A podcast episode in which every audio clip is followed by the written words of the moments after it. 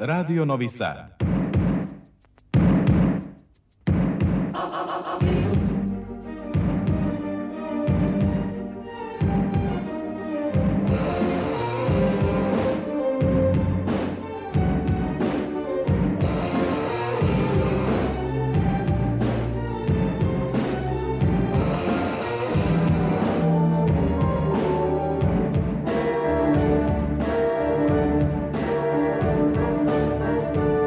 Spektar.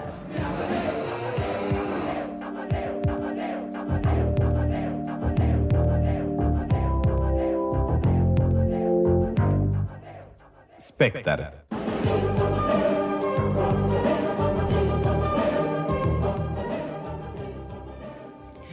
10 je sati i 12 i po minuta. Dobro večer, dragi slušaoci. Petkom je vreme za Spektar, magazin u kom beležimo ono što je za nas bilo vredno pažnje i vama preporučujemo na slušanje. Neće dužiti sa pozdravima večeras, čeka nas informacijama bogata emisija, somborska premijera, niz izložbi kojima se polako stavlja tačka na kulturnu prestonicu Evrope, razgovori sa Vladanom Matijevićem, Petrom Matovićem, Diljanom Pešikan Ljuštanović, najava festivala autorskog filma u Beogradu. Ja sam Aleksandra Rajić, Spektar slušate, pa bar narednih sat i po.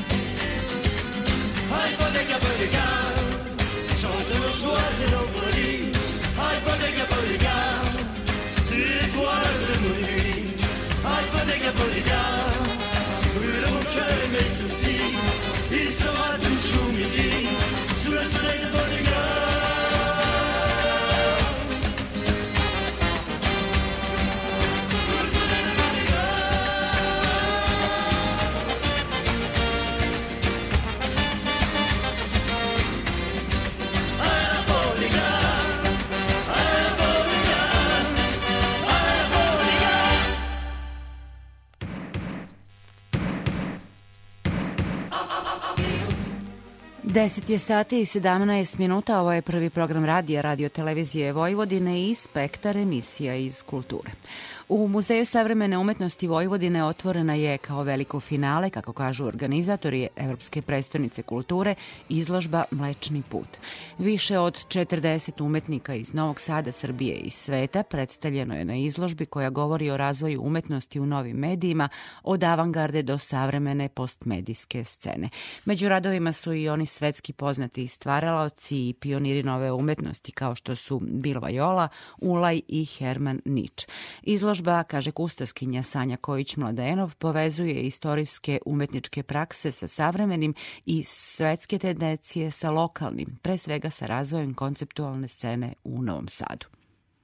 Krenuli smo stvari od nek abstraktne povezanosti učesnika koji mogu funkcionisati kroz neka svoja međupolja, međukomunikacije, koji su možda na neki način isto tako međusobno povezani kroz različite relacije i želja nam je bila da u stvari povežemo istorijske umetničke prakse sa savremenim, da povežemo, povežemo lokalnu umetničku scenu sa međunarodnom i iz tog razloga i taj naziv, e, sve to naravno više kroz uključivanje i kroz okretanje ka nekoj umetničkoj praksi koja možda nije toliko bila vidljiva, e, više neka medijska praksa, konceptualna praksa, postmedijska praksa, znači nešto što možda je više izlazilo iz nekih klasičnih okvira posmatranja i sada evo, ovo je neka prilika da ih malo okupimo i da pokažemo da su oni nekako međusobno povezani. Naravno u okviru ovog koncepta još jedan veliki broj umetnika bi mogao da bude uključen, ali kako su nam naravno i prostori i resursi na neki način ograničeni, ovo je sada jedan, eh, jedan mogući pogled na takvu vrstu povezivanja i uopšte razmišljanja kustoski i metodološki ste razvili ovaj koncept, između ostalog i na osnovu istraživanja Centra za nove medije Kuda.org koji se zove Trajni čas umetnosti. Njihov projekat e, mapiranja novosadske neoavangarde. Ima tu još nekih metodoloških izvora? Jeste. Kada smo krenuli da razmišljamo u stvari u tom pravcu tog baš povezivanja i istorijskih referencij savremenih, ali više kroz medijske prakse, nekako je bilo najlogičnije da uključimo Centar za nove medije Media Kuda oni već time kroz veliki broj svojih projekata bavili. U stvari to je sve jedan sveukupni projekat Trajni čas umetnosti u kome su oni razvili mapu medijske ontologije i ta mapa jeste iz tog razloga negde u centralnom segmentu ove izložbe. Takođe Zoran Pantović iz Centra za nove medije Kuda.org su na neki način koncipirali produžetak, nastavak te svoje mape kroz formiranje nekog takozvanog konceptualnog zida koji sadrži neke radove iz naše muzejske kolekcije koji su ovde predstavljeni više e, kao neki simboli nekih istraživanja, nekih eksperimenata koje smo mi ovde u lokalu bili svedoci, mislim, Novi Sad je u stvari svedok takve vrste praksi koje isto tako ovaj, čine deo kolekcije i koji čine deo naše istorije, vredne istorije.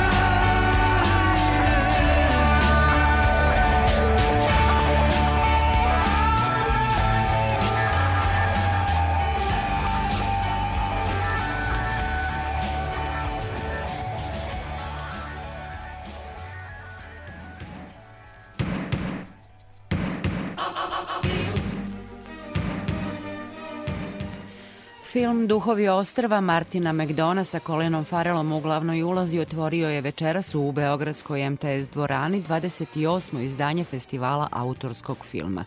U šest bioskopskih dvorana do 2. decembra biće prikazano više od 70 ostvarenja. Uoči te filmske smotre sa direktorom festivala Igorom Stankovićem razgovarala je Ivana Maletin-Ćorilić. U takmičarskom programu je 12 ostvarenja iz svih krajeva sveta koje su ovenčana nagradama na najvećim svetskim festivalima. Značajno udeo ove godine imaju rediteljke jedinstvene u svom autorskom izrazu. Koji filmovi predstavljaju okosnicu ovogodišnjeg festivala? Kako ste spomenuli, festival uh, ove godine donosi preko 70 ostvarenja, ali 12 uh, filmskih ostvarenja se nalazi u takmičarskom programu, uh, selekciji uh, koja se, filmovi selekcije koji se takmiče za Grand Prix festivala, Aleksandar Saša Petrović. Uh, pored 12 filmova koji se nalaze u takmičarskom programu, koji su u neku ruku okosnica festivala i oličenje, jedna lična karta, jedan, jedan znak prepoznavanja samog festivala, gde uglavnom filmovi dolaze iz zemalja trećeg sveta, što na neki način govori e, da zemlje trećeg sveta u ovom trenutku ne samo da prave dobar autorski film, nego verovatno i žive uh, autorski film i to autorstvo, kreativnost, iskustvo koje prenose na veliko platno je ostavilo trag u prethodnoj godini i ta rekapitulacija cele godine 2022. godine uh, kakva je i privilegija festivala autorskog filma da na jednom mestu okupi najznačajnija filmska ostvarenja sa svih velikih festivala će doneti uh, taj neki novi autorski izraz. Ali uh, jednako značajan je i glavni program festivala. Filmovi koji su obeležili, uh, kako ste rekli, velike svetske festivale sa velikim filmskim nagradama, i tu je potpuno drugačija stvar. Otvaranje i zatvaranje festivala autorskog filma donosi britansko veliko ostvarenje Martina McDone, ali takođe i Darena Aronovskog a, sa filmom a, Kit sa Brendanom Fraserom. Pored toga imamo i značajnog filmskog autora koji dolazi sa svojim petodelnim, petosatnim a, završetkom sage serijala Kraljevstvo, to je Lars von Trier, uh, puno značajnih velikih ostvarenja i iskreno u ovom trenutku kada bih počeo da nabrajam, to bi potrajalo. Ali uh, raznih filmske umetnosti gde će svako od ljubitelja filma pronaći pravo delo, neki više njih, koje, uz koje će uživati u danima koje predstoje. Na 28. festivalu autorskog filma neće izostati ni srpske premijere.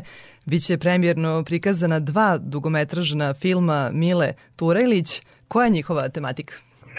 Dva dugometražna dokumentarna filma će biti prikazana na festivalu autorskog filma u nedelju i to je Titov kamerman koji je pratio njegov život, njegov put i sa svih tih različitih putovanja i ekskluzivno za vas takođe sagovornik i učesnik u snimanju filma Budimir Lončar kao živi svedok svega onoga što se dešavalo. Sada već gospodin u svojoj 98. godini će ujedno i biti gost festivala. Kuriozitet da dolazi iz Zagreba. Tematika je rekonstrukcija nastanka pokreta nesvrstanih uh, i uh, uz preispitivanje u kojoj meri je filmska slika imala udela u stvaranju globalnog projekta političke emancipacije. To je dvodelni, dvodelni slobodno mogu da kažem, dokumentarni film koji će obeležiti neko buduće vreme, a dolazi kao svedok nekog prošlog vremena. Da li biste mogli da definišete tematski okvir ovogodišnjeg festivala? Koje teme su se izdvojile po svom značaju? Po značaju svakako tema koju, koja je u središtu samog dešavanja festivala i kakav je vizual inspirisan jednim od filmova svetskog velikog autora Jean-Luc Godara koji je nažalost preminuo ove godine deo programa je posvećen njegovom stvaralaštvu kako možemo definisati celokupan program kao jednu prosperitetnu budućnost na koju smo se decenijama pripremali u trećoj, blizu četvrte decenije postojanja festivala autorskog filma će doneti nešto novo. Turobne godine su iza nas i jedan prosperitet je pred nama. Prosperitet koji dolazi iz e, zemalja koje nisu u prvom fokusu po, svom, uh, po svojoj zastupljenosti u medijima i u našem životu, ali svakako na filmskom platnu velikih filmskih festivala, pa tako i festivala autorskog filma sigurno jesu. Nagrada za životno delo pogledu u svet Vojislav Vučinić festivala autorskog filma prvi put ove godine biće dodeljena stranom laureatu. Da, a, nagrada je ustanovljena za života osnivača festivala i prvog direktora festivala Vojislav Vučinića i prvi dobitnik nagrade Puriša Đorđević u nizu mnogobrojnih dobitnika od Krste Škana te Gorana Markovića. Svakako ove godine po prvi put nagrada za celokupan filmski autorski opus će biti dodeljena Aleksandru Sokurovu i lično uručena njemu u ponedeljak pre projekcije filma Bajka koji je takođe uh, prikazan uh, na ovogodišnjem Lokarno film festivalu. Uh, velika čast što mnogi komentarišu veoma hrabro da u ovom trenutku svega ovoga što nas okružuje pozovemo tako značajnog filmskog autora koji dolazi iz Rusije i uručimo mu ovu nagradu, ali svakako hrabrost za takvog filmskog autora nije potrebna, već samo i sama pomisao na sva vreme filmska dela koje je on režirao u svojoj karijeri. Koje još goste možemo da očekujemo u Beogradu za vreme festivala autorskog filma? Svakako, svakako prošlogodišnji pobednik festivala Omar Al-Zahairi e, i film Perije koji je svakako obeležio prošlogodišnji festival.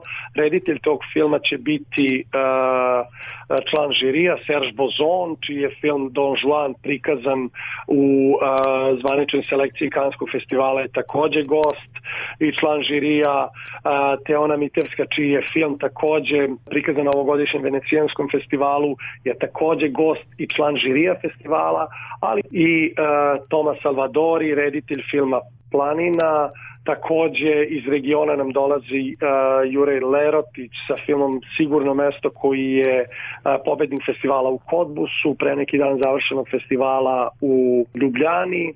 Uglavnom su svi uh, reditelji Uh, svi reditelji takmičarskog programa spremni, voljni i bit će prisutni na festivalu. E,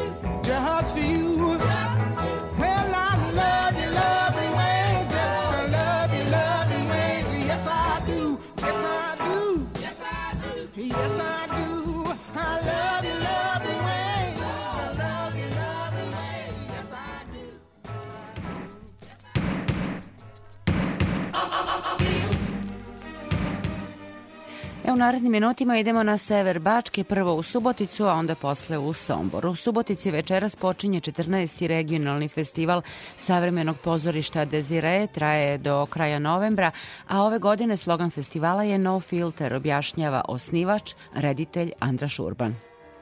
Bez šminke i bez laže životu i, i pozorište u svom ajde svom golom izdanju, stvarnost kakav e, e, takav. Ovogodišnji e, Dezire festival je pripremljen bez ozbiljnog ili preteranog nekog marketinga. Mi nismo ove godine štampali maltene ništa, e, nismo e, plaćali reklame, čak ni sponzorstvo u tom smislu koristili. Znači, bukvalno bez, bez ulepšavanja i, i laži smo pokrenuli ovogodišnji festival čisto na, bazirajući se na ljudskoj komunikaciji, što se živo govora ili, ili ajde, e-mailova i te stvari tiče. Znači, bez, bez tih nekih e, mašine je show biznisa, da tako kažem, ali neće to uvek biti tako, ali ove, ove godine i, i taj deo je tako oguljen.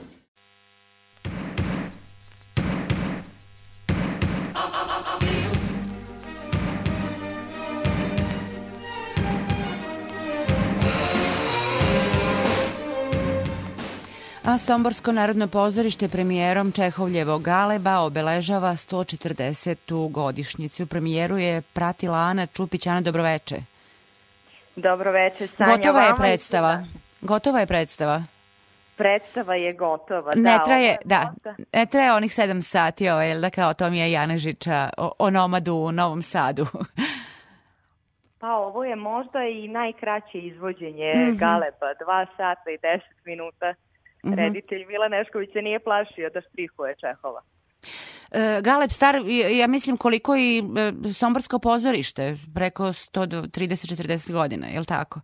Kako je, da, kako, kako da. se tebi činilo, kakva je premijera, kako je Nešković e, e, pročitao Čehova, odnosno postavio na scenu?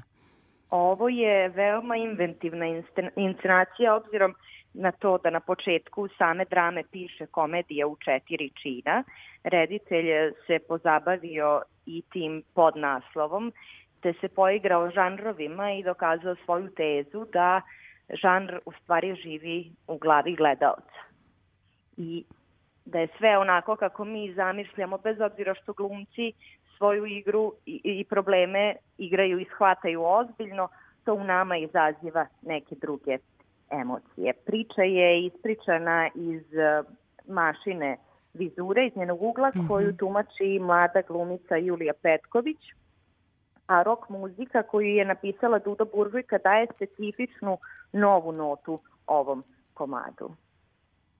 To znači da je komad potpuno jedno savremenom ruhu postavljen na somborsku scenu? Apsolutno.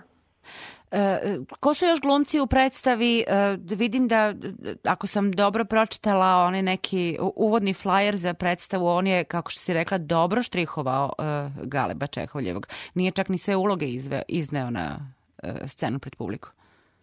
E, tako je. Arkadinu tumači prvakinja ovog pozorišta Ivana Jovanović, Nikola Knežević je u ulozi Trepljeva, Sorina igra Srđan Aleksić, za rečna je Ana Radukajeva. E, Šamrajev je Pero Stojančević, Saša Torlaković tumači Trigorina, Ninoslav Đorđević e, Dorna, a Stefan Beronja Medvedenka. Ja sam sad moram da priznam malo zaboravila ovaj Galeba i Čehova, ja više ne znam u tom ljubavnom trouglu, četvorouglu, petouglu ko koga ovaj, uh, uh, voli. Kakva je ta naši, mašina vizura? Maša iz svoje nesrećne ljubavi prema? ulazi prema? U, prema uh, Trepljevu da. ulazi u uh, odnos sa Medvedenkom i pristaje da se udaje za njega i govori da ona nosi crninu za svojim životom i da je ljubav samo prolazna i kada nam se usadi u srce treba da je oteramo, da je iščupamo i sve će biti u redu. Nešković je jedan od redkih reditelja malobrojnih koji uživa u tome da, zapravo ne znam, uživa u tome da postavlja e, klasiku na scenu. Da li si imala prilike da razgovaraš s njim? Šta za njega znači postavka Galeba?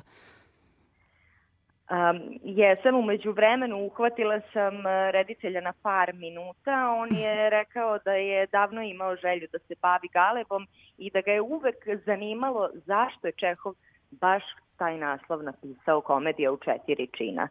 I, uh, je li uspeo da odgonetne? Je, da, zapravo je i uspeo to da, da odgonetne jer je sve do situacije.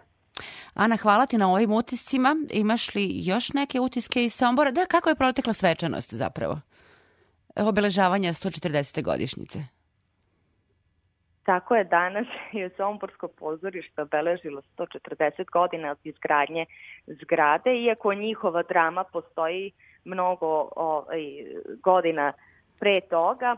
E, ono što je jako zanimljivo je da, je da su izloženi originalni nacrti Adolfa Vajta, arhitekta koji je radio na izgradnji ove zgrade i ono što je takođe važno je da je ona zadržala svoj autentični izgled od te 1882. do danas. I jednu od najlepših sala u Vojvodini pa i u Srbiji. Tako je. Ana, hvala. Ja sam zaista večeras uživala u njoj. Ana, hvala ti na uh, ovim utiscima iz Sombora. Poštovani slušaoci, bila je ta Ana Čupić sa premijere Galeba iz, u Narodnom pozorištu u Somboru. Oh,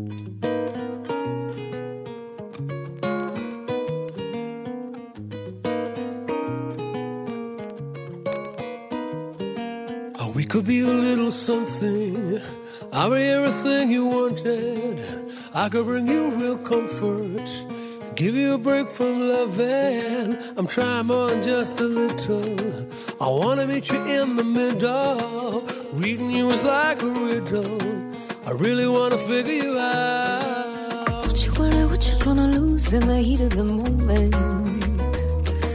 We're rushing into something new, but we're keeping it focused. Mm. Don't call me lover. Stop thinking about it, thinking about it. I'm not the others. We could keep it simple as la di da di da. We could keep it simple as don't call me lover. Stop thinking about it, thinking about it. We could be a little something. The melody you keep on humming. A feeling so sweet and subtle. The last piece to your puzzle. I know you're gonna feel like running. Wouldn't give my love for nothing. I'll be everything you wanted. Tell you that I won't let you down. Don't you worry what you're gonna lose in the heat of the moment. We're rushing into something new, but we're keeping it focused. Don't call me lover. Stop thinking about it, thinking about it. I'm not the others. We could keep it simple as la di da di da. We could keep it simple as don't call me lover.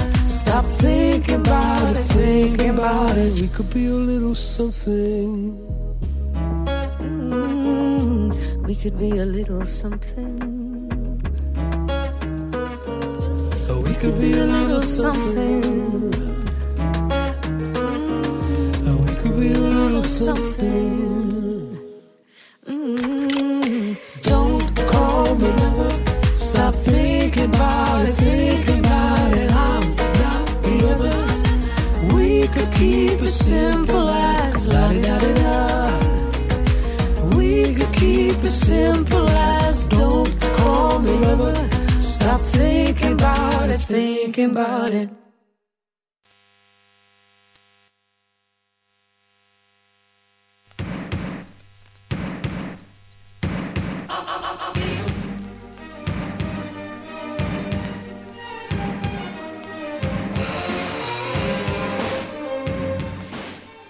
Ljiljana Pešikan-Ljuštanović, profesorka Novosadskog univerziteta u penziji, dobitnica je zlatne knjige Matice Srpske za izuzetan doprinos nauci.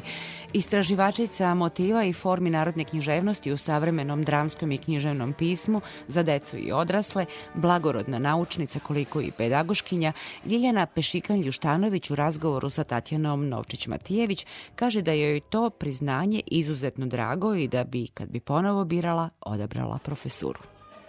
Priča Vi i Matica Srpska je toliko čvrsto povezana da ja ne bih mogla Maticu da zamislim bez vas. Na sreću Matica, kako kaže on Raša Popov, mi odlazimo, Matica opstaje, Matica je u tome najbolja u tom istrajavanju tradicijskom, a pojedinačna skretanja, zablude. Ona je stara dama koja se može da dozvoli po neki ekses, a ova nagrada meni jako mnogo znači. Ja sam kao dete imala jednu traumu, nisu nikad dobila čitalačku značku, a objašnjenje moje bibliotekarke je bilo jeste da kažem koliko čitaš, pa da kažu da ja lažem, a ne samo ti. Ja sam prvi put u biblioteci Đura Danečić ovde dobila čitalačku značku s nekom decom i išla da je uzmem dva puta ovako matora. A ovo je možda ispalo je jedna od najbitnijih nagrada koju sam dobila jer je to nije samo nagrada, to nije samo priznanje, nego to je ta prilika da ljudi govore o vama e, i to je jedan izuzetan doživljaj. Ja ne pripadam, ja naročito ne cenim priču o skromnosti. Naučila sam, pogotovo u akademskim krugovima, ako neko koristi topuse skromnosti kao moja malenkost To obično znači da smatra sebe izrazitom veličinom i da traži da se okolina pobuni kakva malenkost. Ja nemam tu vrstu skromnosti, a opet osjećala sam se kad je bio taj skup u četvrtak, osjećala sam se ono, bukvalno ponizno.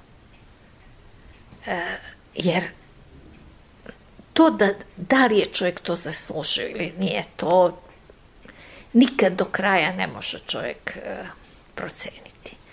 Ja sam uvek išla po jednom rezonu, a to je da čovjek uradi najbolje što može.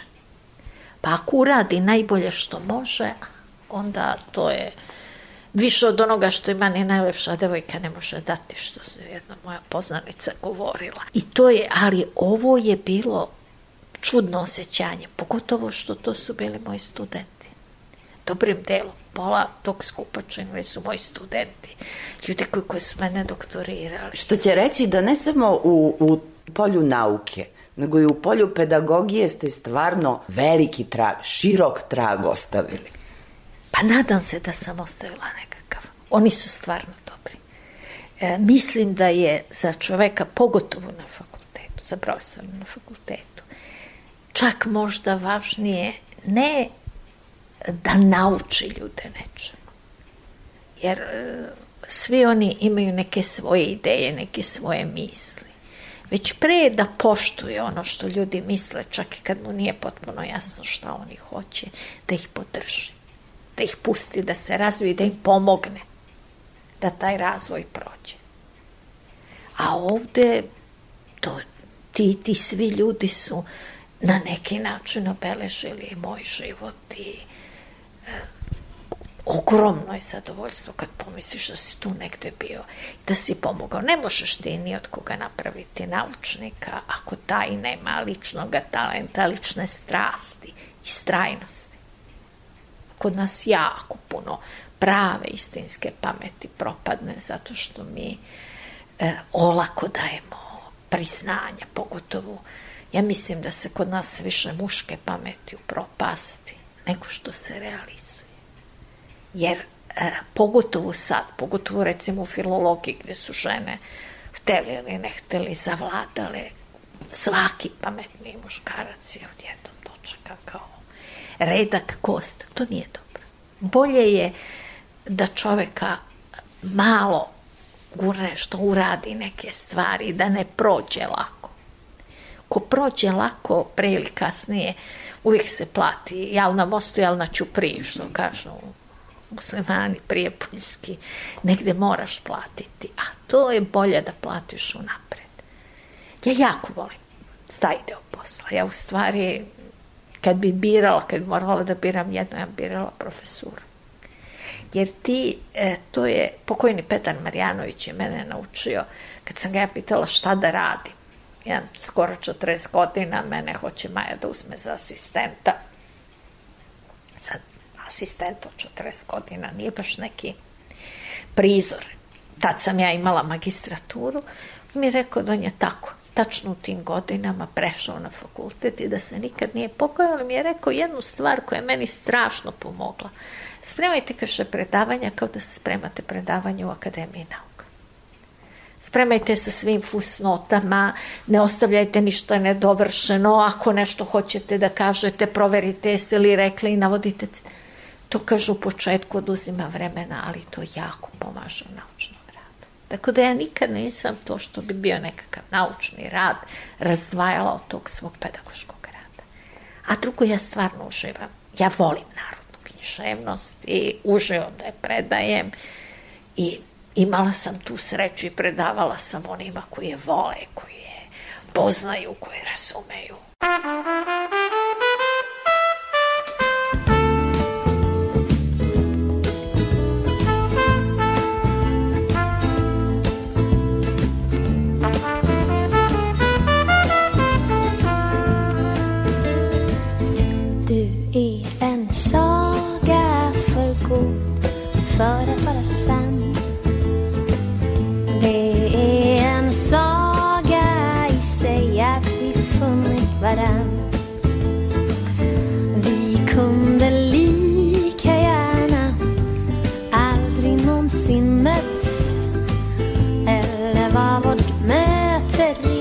bestämt långt innan vi fötts. Vem vet inte du, vem vet inte jag? Vi vet ingenting nu, vi vet inget idag. Vem vet inte du, vem vet inte jag? Vi vet ingenting nu, vi vet inget idag.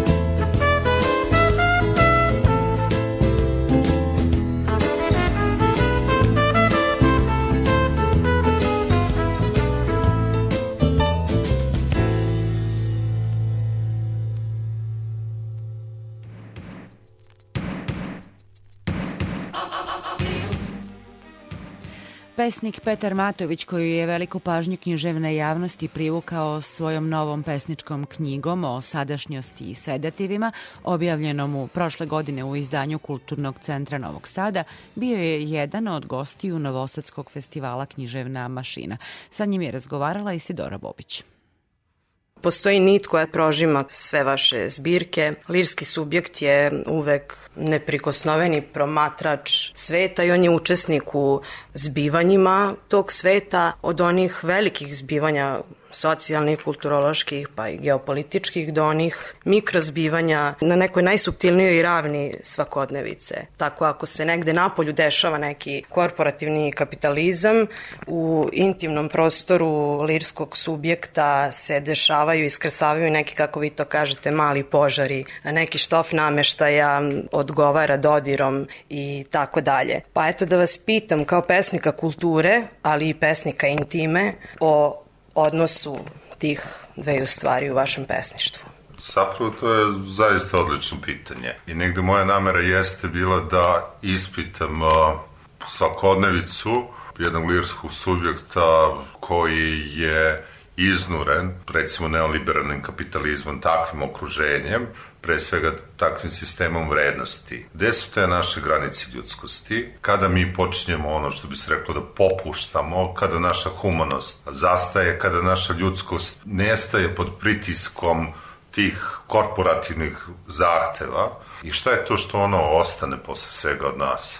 Ova knjiga jeste bazirana na jednom konceptu, kako bih rekao, depresivno-anksioznog poremećaja. Ova moja poslednja knjiga, ali pre svega takvom poremeću koji je nastao sticajem tih spoljašnjih okolnosti. Naime, primetio sam ovaj, naročito sam ja sada u godinama kada sve više mojih vršnjaka koji rade u korporacijama doživljavaju taj burnout i onda mi se žale od svega toga šta je preostalo nakon toliko ispunjenih poslovnih zadataka, oni su kao isteđeni sunčeri. E, mene je interesovalo kada takav jedan subjekt dosegne maksimum kada više ne može to da izdrži, šta se onda pomalja iz njega, da li nam se ljudskost opet vraća ili je nepovratno gubimo. Tako da je taj jedan recimo gorki smeh koji je u poslednjem ciklusu knjige prisutan i koji je jeste kontrast prethodnom delu zbirke, zapravo taj pokušaj konačnog iscelenja. Pre ove zbirke sadašnjosti i sedativima izdali ste, čini mi se, 2019. godine u Hrvatskoj takođe izbor pesama, knjigu Ne hleb, već, već morfijum. morfijum. Pa ne možemo da ne primetimo dijalog između tih naslova sada smo videli da između sadašnjosti i sedativa, odnosno sadašnjosti i morfijuma postoji veza. Kakva je veza pesničkog čina sadašnjosti i sedativa, odnosno morfijuma? Dakle, gde je tu pisanje? Pa za mene lično ovladavanje pesmom, napisati pesmu, izbaciti tu pesmu negde iz sebe jeste način da obezbolim uh, stvarnost u kojoj živimo, a koja je postala zaista krajnje okrutna. Pesma bude neka vrsta sredstva kojim se ti bodeži stvarnosti otupe i tek onda mož, mogu da prepoznam koliko smo porinuti u tu neku banalnu svakodnevicu, a pesma nam da zapravo da vidimo šta je ono što je iznad toga i šta je to ono što traje. Da, u jednoj pesmi kažete da iza grudne kosti zvuk ne navodi na srce, već dubinu ničim neispunjenog prostora. U drugoj kažete možda će vetar uzdići lagano poslednji sloj poput prašine i ostaviti te odvojenog od tebe pustoši i ne moraš se brinuti kada stigne proleći u kome sve postaje bujica što se nemilice survava niz oštre kosine, nećeš biti ni topljenje, ni buđenje, ni ništa.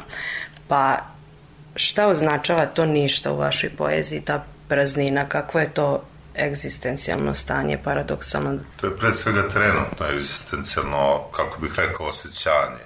Jer i ova zbirka ima takav ritam da krene od onog što je krajnje, da kažemo, tog osjećanja ništavila, do, do jednog iscelenja uz pomoć tog smeha na kraju. Nije mi bila namera da pokažem da je takav naš krug, krug koji se završava sa tim downima, nego zapravo da se mora završiti tim gorkim smehom koji će nas sve oporaviti. Jer e, zaista nema drugog e, načina nego nasmejati se tom ništavilu u lice.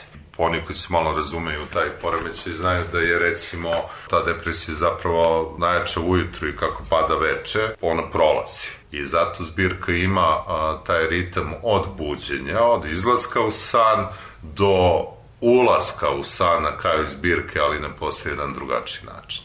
Da, jasan je taj luk i na kraju završavate sjajnim pesničkim humorom u pesmi Vitkog telo, gde se vešto poigravate stereotipnim predstavama pesnika.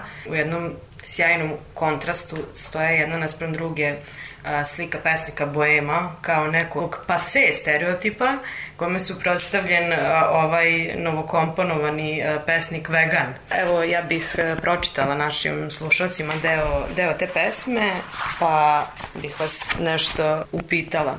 E, kažete, pravi pesnici nisu više debeli, za doručak piju smutije, ne puše, trče polumaratone, idu na jogu. Čil sa slušalice isključuje ih od staničnih čekaonica dok pišu, a pišu sa vrelim procesorom na mudima bez bola. Mislim da ovo bez bola treba posebno markirati, a pitala bih vas koliko zaista kult zdravlja i kult tela ima upliv u kulturu poezije. Da li to inficiralo i taj svet, pošto je zaista postalo viralno? Pa taj kult zdravlja se bazirao pre svega na fizičkom zdravlju. Naravno da je to ušlo u sve pore društva.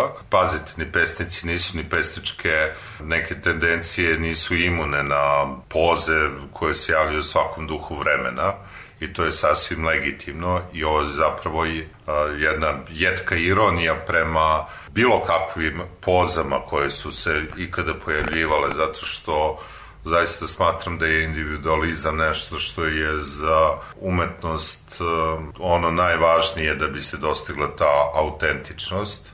I ono što mene posebno nervira da se tako izrazim jeste što u ovom kultu zdravlja se sve baziralo na tom fizičkom zdravlju. Znate, korporacije su već otišle dotle, tip, imate i saunu na poslu, imate i teretanu, ako treba napraviti s njoj bazen, kad se ali umorite. Ali nemate zrak sunca nijedno. E, da. Ali nemate, da, i pre svega onaj zrak do sunca i hoće da zvuči, što kažem, krajnje stereotipno i patetično, ali zaista istinito u svojoj duši. Šta je sa našim mentalnim zdravljem? Nije apsolutno potrebno da bismo bili srećni, zadovoljni, da budemo savršeni. Savršenstvo je najveća prepreka za osjećanje mentalnog zdravlja. Pogledajte, mislim, ovde čak i predsednički kandidati pojedini se prikazuju sa svojim finim negonim bicepsima, glatko izbrijanje, znate, mene to plaši, mene je to malo onako arijevski, i bilo kakav poziv na savršenstvo me užasava. Da, treba mi nesavršeno ljudsko telo, treba mi malo sala, malo viška, malo nedostatka, zato što je to čovek, ali to onaj pravi ispunjen, zadovoljen čovek koji je nosi pre svega suštinu, a to je da je duša uvek jača tela. Prateći trag te ironije, stižemo i do pesme Zdravlje, pa bih vas zamolila da je vi pročitate. Zdravlje. Samo niski tužni krajevi grada govore u zoru, u osvit kad prvi prime sunca. Nebuderi ostaju zatočeni u tmini zbog neprestanih senki. Odlazi se u poslovne centre i opet postoje svetlo. Fotoćelije rasvete ne opažaju prilazak obdanice, praznični ukrasi gore nepunim, mučnim sjajevima.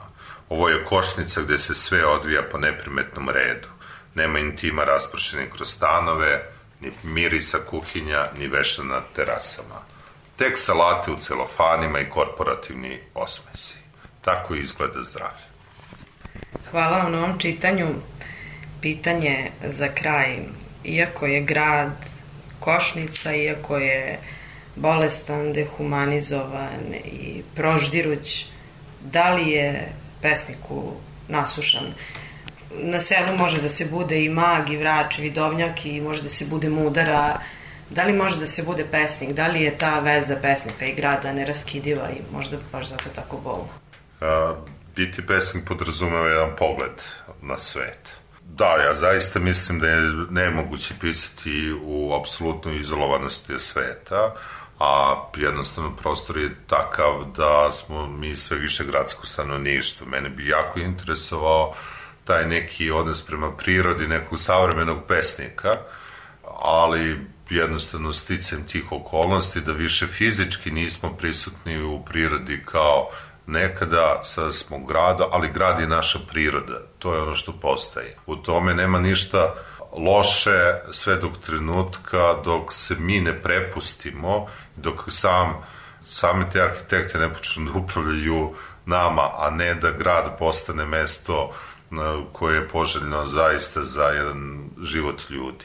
Čini mi se da arhitektonski su se ljudi, te arhitekte nadmetali u koje kakvim rešenjima što se tiče nebodera, visine solitera, blokova, brze gradnje i tako dalje, ono, to nametanje definitivno može da dovede do jednog obezličavanja ali pesnik je taj koji je na kraju krajeva ako ne govori nešto što može zaista da promeni stvari kod ljudi, makar je taj koji može da kaže neke stvari prvi. Hvala vam mnogo što ste govorili za radio Hvala vama na pozivu.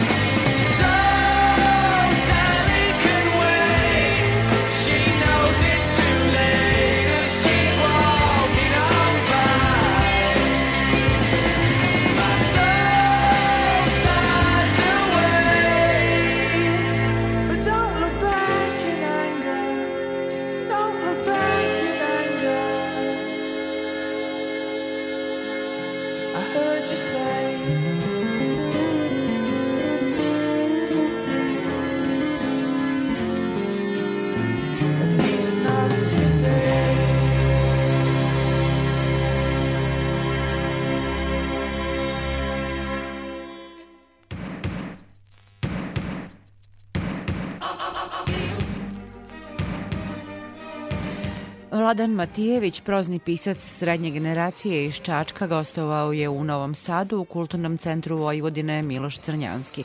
Dobitnik svih najznačajnijih nagrada Matijević svoj rukopis ispisuje već tri decenije. Jedna knjiga ga uporno ne napušta pa joj se ciklično vraća i doteruje ili ponovo ispisuje. Roman Van kontrole iz 95. objavljen je ove godine u potpuno izmenjenom izdanju.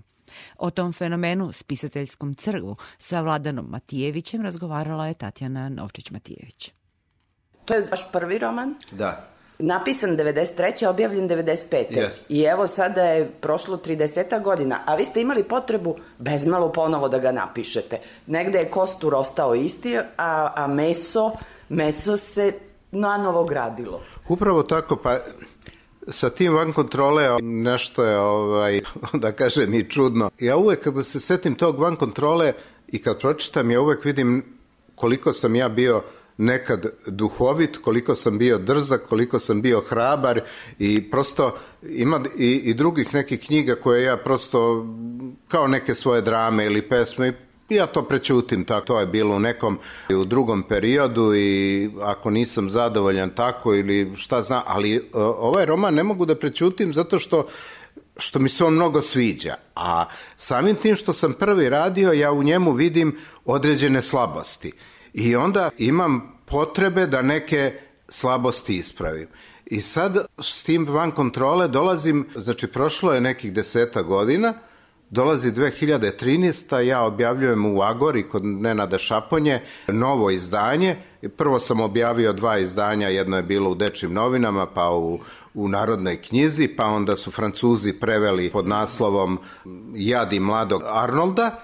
Ja onda treba da objavim to kod Nenada, on mi traži, ja pročitam i kažem, ma da, ja to malo da ipak ovaj, malo doradim, da neke, neke sitnice ispravim, jer vidim neke neke stvari bi ipak trebalo doraditi, ispraviti te mladalačke, da kažem, neke greške i neke neiskustva i onda sam ja e, to kod Nenada Šapanja u stvari objavio apsolutno isti roman, ali sam e, stilski ga preuredio. Međutim, mislim da je to 2013. taj roman Iako je isti, iako onaj ko je čitao jedan pa drugi ne može da vidi razlike, ali zanatski, književno, stilski, jezički, on je mnogo, mnogo bolji. Prolaze godine i onda sam ja ponovo razmišljao o tom romanu i došlo mi je do toga da napišem. Isto zove prokletstvo da, prvog da, romana. Da, da, to je ovaj, prokletstvo i onda ja sednem i napišem iz početka roman gde prvi, da je ta verzija prva imala 50 poglavlja, ova sad ima 75, gde ima... Pa sam htjela da vas pitam, da. jeste poštovali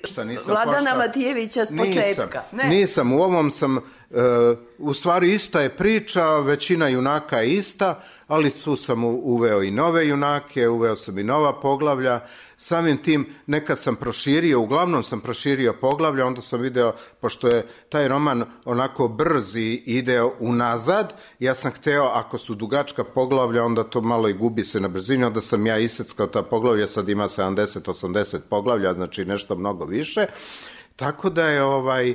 Ovaj... A zapravo ste ga updateovali u ovom dobu u kojem mi živimo, tako brzo, pa ne znam koliko baš unazad idemo, ali možda ne bi bilo loše da idemo. Pa et, eto, i, ovaj, i napisao sam taj roman i, i iskreno rečeno, mnogi pisci kad napišu roman koji nešto izmene i tako, ja znam da su ovaj to radili, oni promene i naslov i kad prođe vreme, ja nisam hteo da promenim naslov, insistirao sam da, da, ostave, da ostane taj isti naslov, ali praktično to jeste novi roman, jako je ista priča, jako je to, ali je, ali je napisan iz početka. E sad postoji jedna osoba koja radi ovaj doktorsku disertaciju na moju prozu. Njoj je profesor uh, Mihajlo Pantić i ja sam čuo od Mihajla Pantića, kaže, ne znam šta više radiš, ali ta osoba sad neće ovaj, da, da, da govorim ko je. Ona kad me vidi samo kaže on je opet napisao novi van kontrole. Tako da to van kontrola nije samo nešto čemu se ja vraćam, to je nešto što ljude ovaj, očigledno izbezubljuje i vraća se i tako da nije završila priča s van kontrole. Ko zna moguće da ću za A sam- desetak godina pisati četvrtu verziju. Sam naslov tog romana zapravo sugeriše da, da je to... To je ona knjiga koja ne pušta pisca. Obično pisci kažu kad napišu knjigu, evo je sad čitaocima Da, pa je i sa- neka oni sad uh, Da, pa to je- otvaraju dijalog sa knjigom. Da, to su me pitali kao, pa hoćeš li, ovaj, znaš, kažem, ma ne, pa da mi napame druge knjige da radim iz početka. Dobro, radio sam, malo sam uredio Jerce Nem, koji je isto, ovaj drugi moj roman, isto iz 1997. ovaj 95 ali ne pada mi na pamet ništa drugo da radim, ali za, za van kontrole se ne bih e, zakleo da neće, jer prosto taj roman je nekako ja kad ga kad prođe neko vreme, ja, ja ga zaboravim šta u njemu, znam otprilike šta se radi, a onda uzmem poč- počnem da čitam i onda kažem, pa čoveče, otkud ti te ideje? Mislim, ono, prosto, ovaj, vidim i sam sa ovim protokom vremenom da ja nisam više taj isti, ali oduševljava me to što, kako sam nekad razmišljao i kako i kažem, hajde, ponovo to tako i hajde da, da zadržim, bitno mi je nekako da tu drskost i taj humor i to sve što sam, tu- i tu političku nekorektnost koja je bila ono totalno, da i sad zadržim da vidim ovaj, tako da ko zna. My heart, my head, my mind, my soul, my feelings over you, my tears, my touch. Remember all that I am to you. My heart, my mind, my soul, my feelings over you, my tears, my touch. Remember all that I am. When you gonna pick up the phone and call me? Tell me I can come over. I got my ticket and my bags are packed. My coat is hanging over my shoulder. Time is passing and it's getting late. This heart of mine just can't wait. After all that we've been through, I made a gift. I wanna give it to you, baby. My head, my mind, yeah.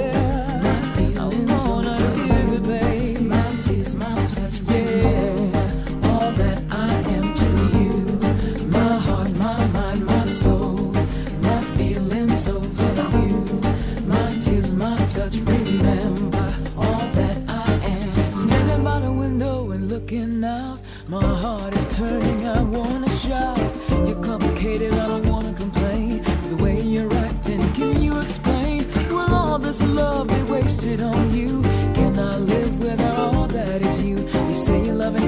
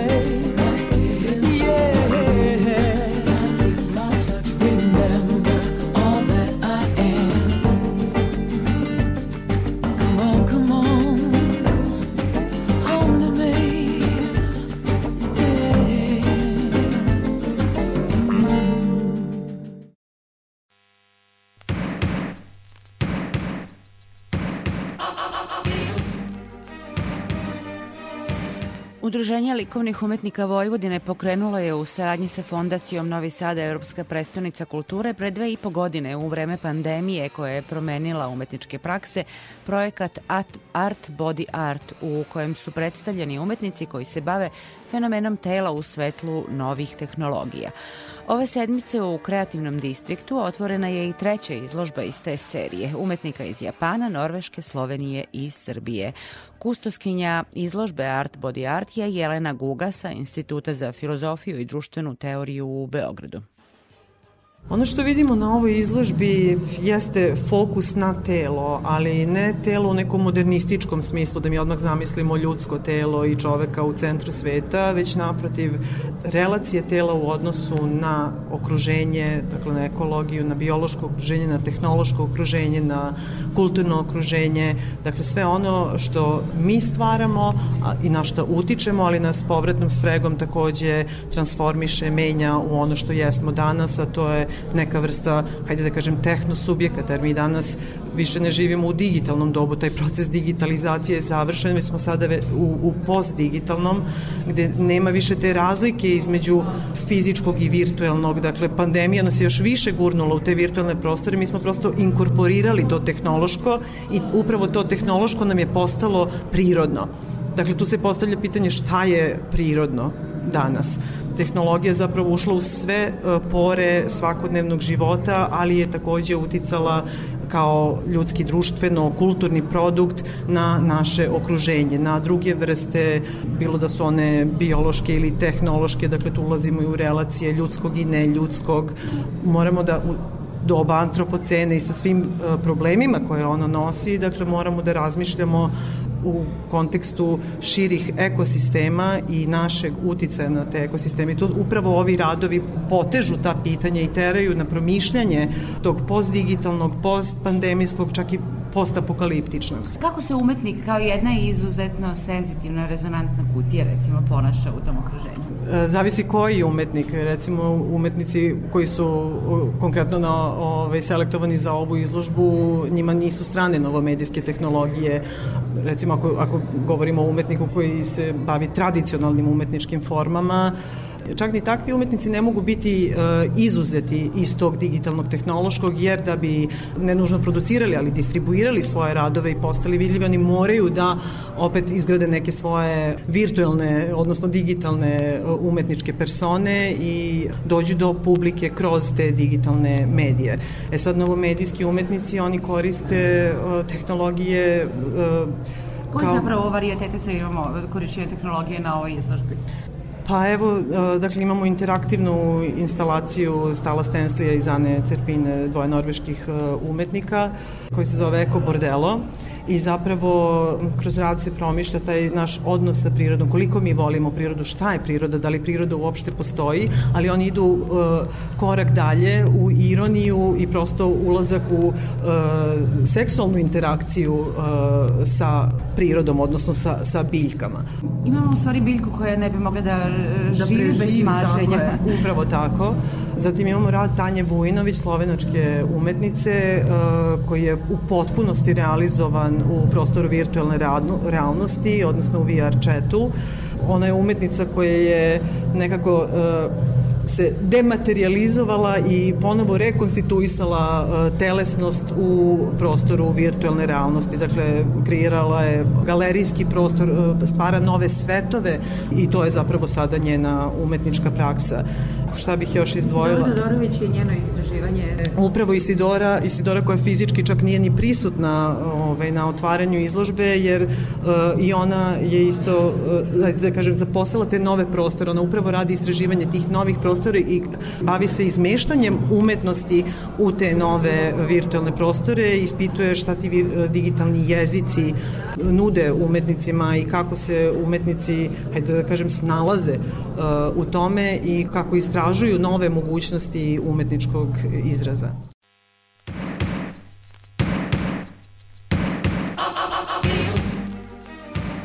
Još jedna izložba pod okriljem Evropske predstavnice kulture je postavka značenje doma u kineskoj četvrti.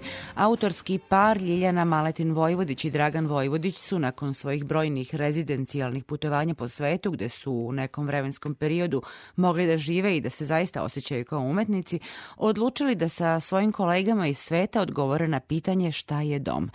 Interdisciplinarno u različitim medijima i iskazima dobili smo emotivan, ali zaista analitičan odgovor na pitanja ukorenjenosti jezika, virtuelnog doma i beskućništva.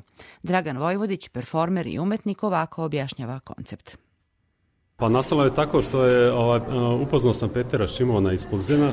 On je bio neka vrsta koordinatora za, za njihovu predstavnicu kulture 2015. Pulzen i on je meni predložio da, da apliciram za rezidenciju koju su oni otvorili. Imao sam neke intervjue, oni su mene pozvali. Svidio mi se moj projekat, značenje doma ili meaning of home.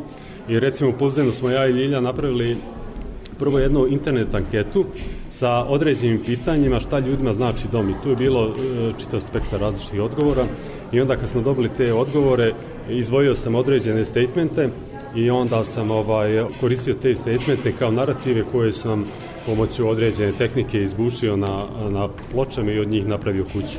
O čemu su vam zapravo govorili kolege umetnici? Pa recimo, sviđa mi se taj kontrast da recimo neko ko je mlad, jako mlad, njemu je kuća njegov kompjuter. On, on kaže my PC je moj, moj home, a opet ima jako sumornih odgovora da ljudi shvataju u današnje vreme da nigde nisi siguran i da home je možda tamo gde si ti, da nije nešto statično.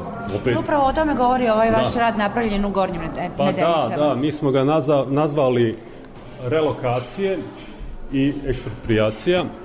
Bili smo u nekom slučajnom um, prolazu tu, ali ipak namjerno smo došli na tu lokaciju čisto da vidimo, nisam imao nikakvu nameru sad da pravim neki rad. Ta situacija tamo koju sam zatekao, koja me odmah asocirala na neko ratno stanje, stanovništvo iz određenih delova iseljeno, ovaj, verovatno su ti stanovnici koji su seli pokupili sve ovaj, što su mogli da skine s tih kuća i onda ta lokacija izgledala znači kao neko, nakon nekog ratnog događaja namerno smo pokupili neke table koje su ta kompanija Rio Tinto postavila kao upozoravajuće da se ne ulazi u to privatno vlasništvo, ali da, ne dom da. više. Tako. A privatno vlasništvo je katastrofa, ruine, uništeno, iseljeno stanovništvo. Uništeni i, domovi. Uništeni domovi, to je bilo privatno vlasništvo. Ima ovde jedan iskaz, e, meni se učinio ovako isto signifikantnim za ovu vašu izložbu.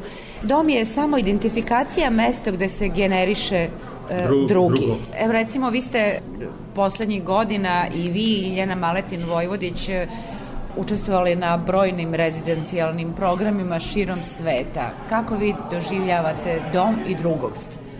Ja ipak dom smatram a, tamo gde mi je dobro ili tamo gde sam ja a, ovaj, a opet smat, a, neko polazište je ipak kultura i jezik. To je moj dom. Ljiljana Maletin Vojvodić je prvenstveno spisateljica, a definiciju doma ovako daje.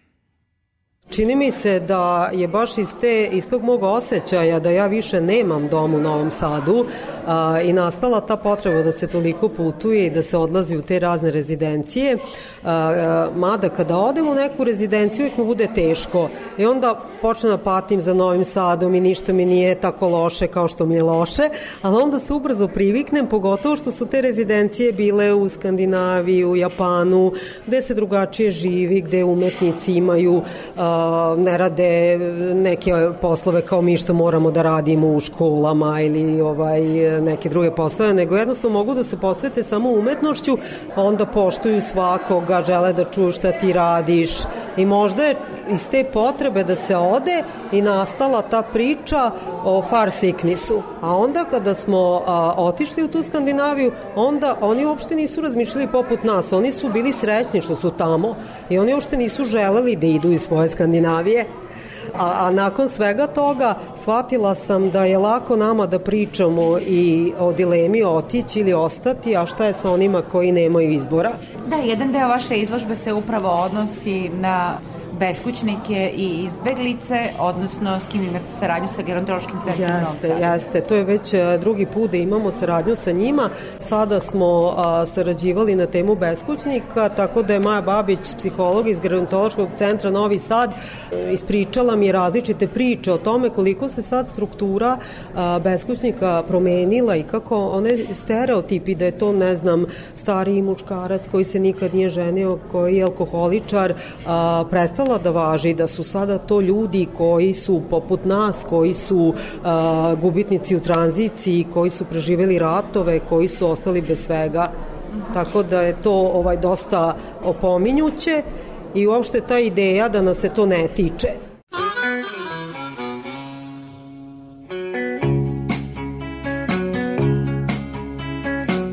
Say that Richard Corey owns one half of this here town with political connections to spread his wealth around. Born into society, a banker's only child. He had everything a man could want power, grace, and style. But I, I work in his factory, and I curse the life that I'm living, and I curse my poverty. And I wish that I could be, yeah, I wish that I could be, I wish that I could be. Richard Corey.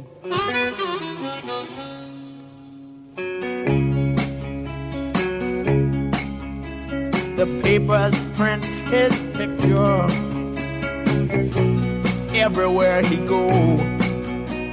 Richard Corey at the opera, Richard Corey at the show, and the rumors of his parties and the orgies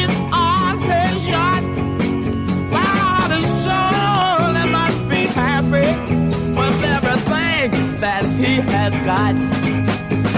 But I, I work in his factory, and I curse the life I'm living, and I curse my poverty.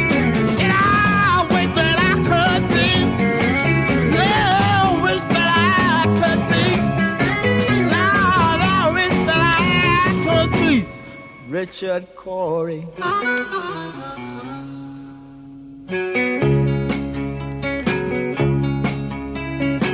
He freely gave to charity and had the common touch. They were grateful for his patronage and thanked him very much. So my mind was filled with wonder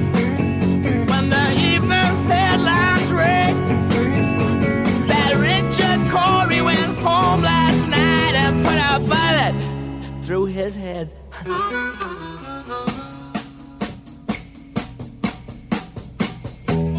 but I, I work in his factory, and I don't dig the life I'm living. I curse my poverty, and I wish that I could be, and I wish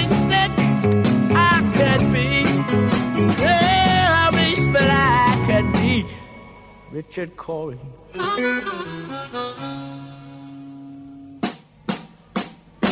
Yeah, I wish that I could be. Lord, I wish that I could be. Yeah, I wish that I could be. So oh, I wish that I could be just like Richard Corey.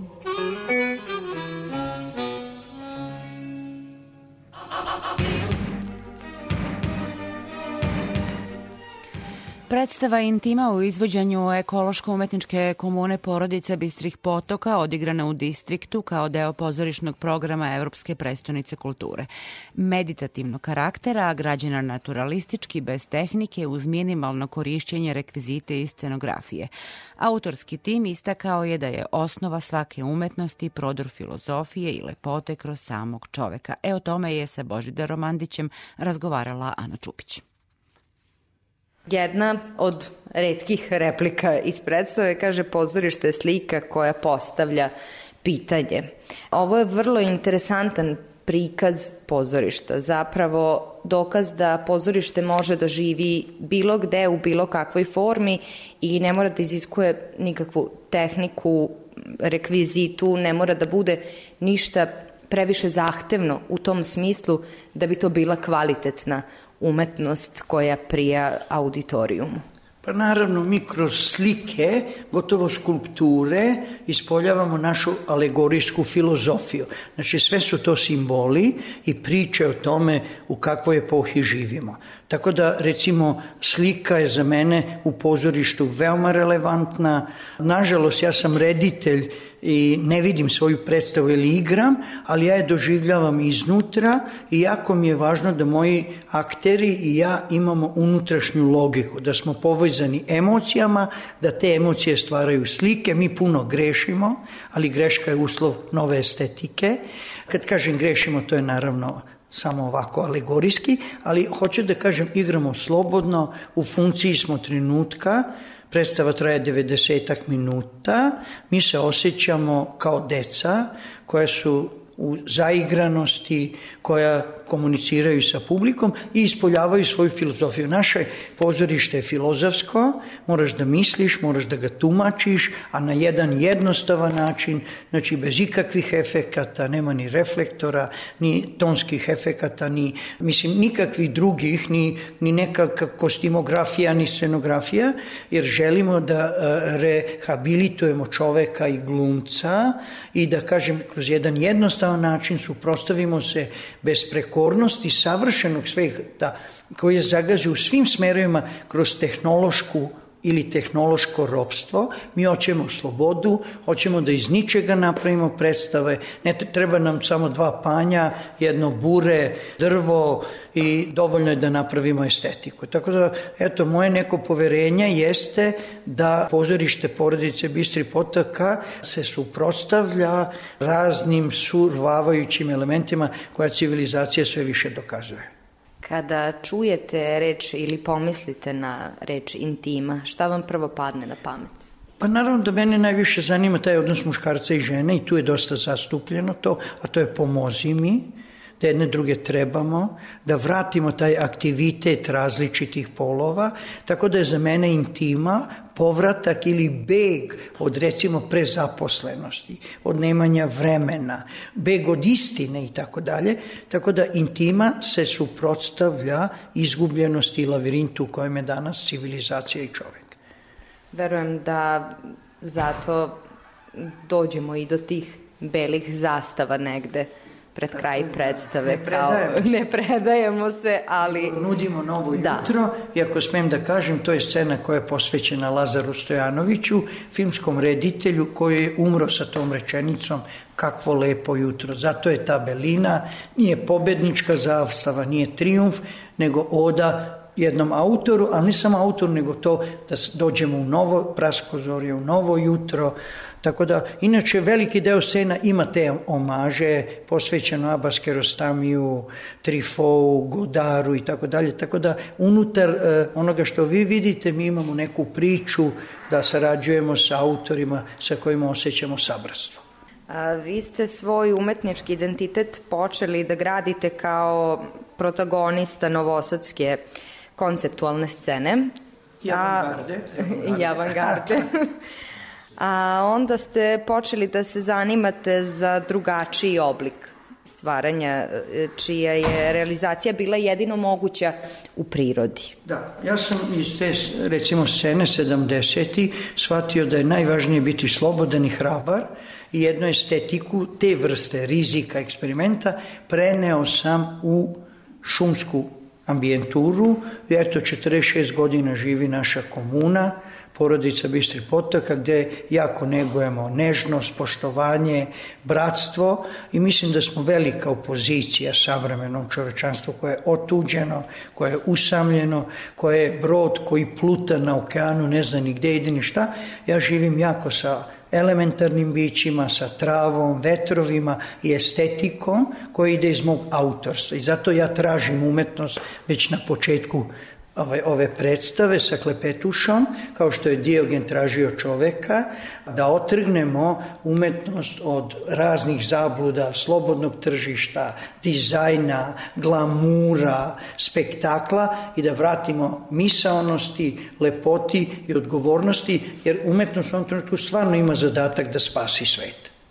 I uvek će imati taj zadatak. Mora dugo da traje zato umetnost i zato umetnici ne treba da se plaše, ne treba da imaju strah, jer strah je jedan od najvećih neautorskih oblika, znači autocenzurski cenzurski oblik, tako da ovaj, bez straha pravimo predstave, pišemo knjige, pravimo izložbe i sve je to jedan kompozicijani predlog da u nekoj meri prezentujemo da čovjek može da bude renesansno biće. I danas, jako je to važno, jedna lasta čini proleće, a jedan čovjek preporođuje svet. Hvala vam što ste govorili za naš rad. Važi, hvala i vama, pošto sam ja bivši novosađanin.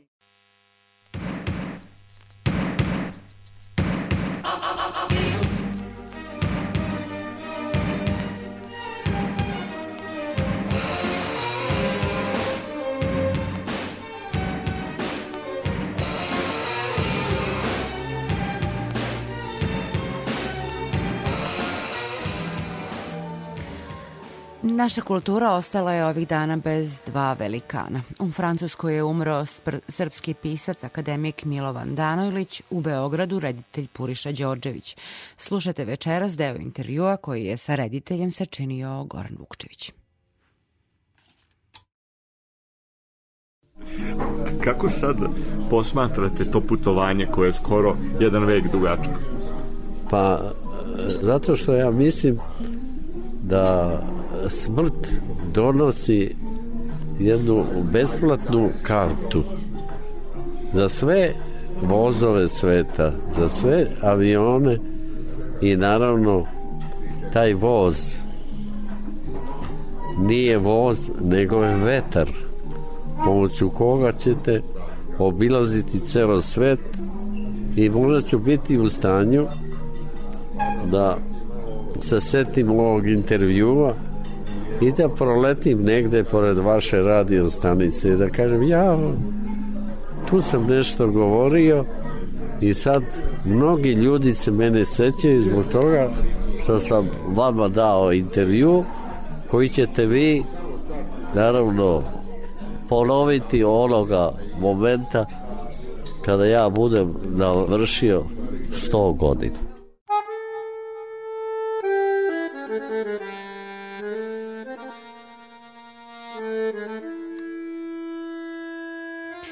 Bio je to poštovani slušaoci Spektar, poslednji novembarski magazin za kulturu prvog programa radija Radio Televizije Vojvodine. Realizovali su ga Zoran Gajinov, Dragan Marić, ja sam Aleksandra Rajić. Spektar možete slušati i na sajtu rtv.rs kada u meniju izaberete odloženo slušanje. Novu emisiju pripremamo za sledeći petak. Želim vam prijatnu noć.